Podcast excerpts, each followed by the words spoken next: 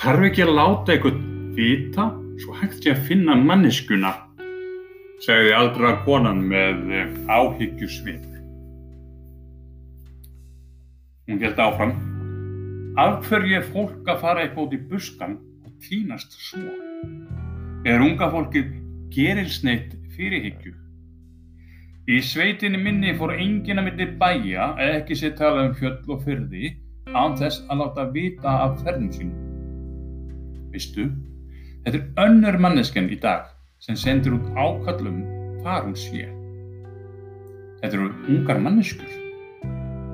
Ekki er það með allsæðar, sá hún, annars hugar með síman í hendi. Um tíma virtis sem að hugur hennar aflagt að staði ferðalagum kunnugar slóðir ástvinna. Hún kom fljótlega til sjálfsins. Sjáðu, sjáðu, hún rétti með síman. Sjáðu, hún er brosandi en spyr samt hvar er ég núna? Mér finnst þetta bara ekkert gamanmál. Eflaust er hún ekki þar sem hún var í morgun. Mér var kent sem ungri stúlku og maður kannski lendi þóku við að, að reka heim kýrnar eða hvað sem það var að gera og nú eða þá að, að, að maður lendi kavalspil maður að býða átekta, ekki fara nýtt út í buskan. Hún horfði á mig og sagði þetta er hræðilegt. Ég skildi láta bara, ég ætti að láta lögurögluna vita. Þetta er ekkert gamanmál. Hefur ykkur heyrt um þetta í fréttunum? spurði. Ég eh, hló innra með mér. Þeir eru gömlu langt komin á tígraðisaldurin og nýbúin að tilenga sér símtæknina að eh, einhverju leiti var góðfúslega bent á að þetta væri á pari við samkvæmisleik. Samkvæmisleik, hvaði svo gamla. Það er engin leikur að vera tínd einhver staðar upp í sveit eða óbyggðum og kannski, og kannski langt frá mannabyggðum. Þeirri gömlu var góðfúslega bent á að konan væri ekki tínd. Leikurinn gengur út á að fá viðbröð þeirra sem sjá skilabóð. Hefði ég átt að láta lögregluna vita? spurði gamla konan áhyggjufull. Nei, nei, svaraði Mhær.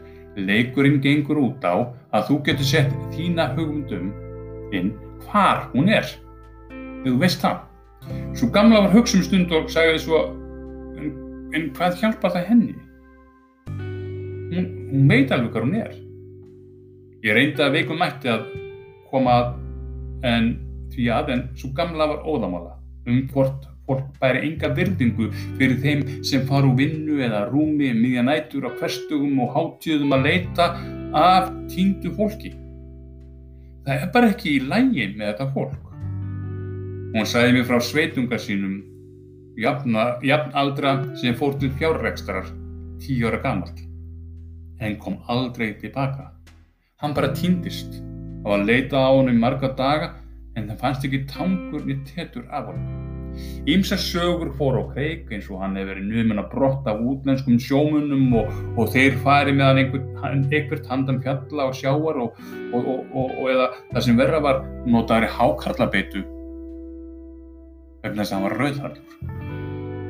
Einhverju sögðust hafa heyrt í honum en hann var tröllum gefin, sagði hún og dæsti.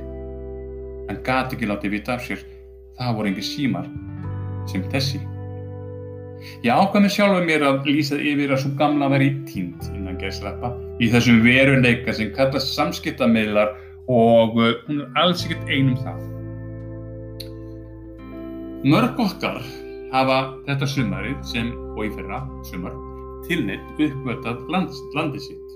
Einhver okkar í fyrsta skipti ferðast að einhverju ráðum landið og aðrir þærri sem kannski láta sér fátnum finnast þennan fossin, um þennan fossin eða hinn, þetta gilið og þennan dalinn og svörtu sandana. Ófáar sjálfu myndirnar byrtast á Instagram, Facebookinu og öðru þeim miðlum sem við notum til daglegs brúks og spurjum hvað er ég núna? Af samkvæmisleikjum samfélagsmiðlina sleftum þá er þessi tími sem við lifum samnefnari fyrir þessa spurningu. Hvar er ég núna? Við sem í dag lifum komin að miðjan aldur og yngri erum að ég held en ég stið samt sem ekkert við vísindilega, félagslega, guðfræðilega eða yfir höfuð fræðilega niðurstöðu heldur er hér að feður ferð miðaldra hugsun og kenning sem kannski á sér enga stóð í raunveruleikanum.